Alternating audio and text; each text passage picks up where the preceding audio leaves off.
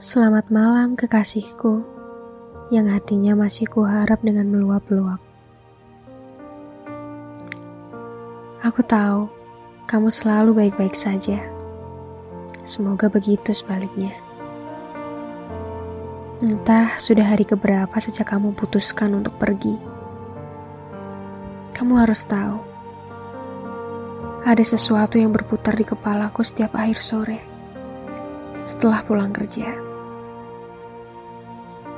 Ini mungkin sama dengan kelelahan yang aku sendiri tidak menemukan obatnya. Tapi tenang saja, aku pandai mengendalikan ini dengan baik.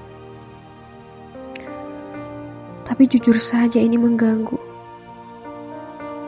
Boleh kamu bawa pulang obatnya untukku?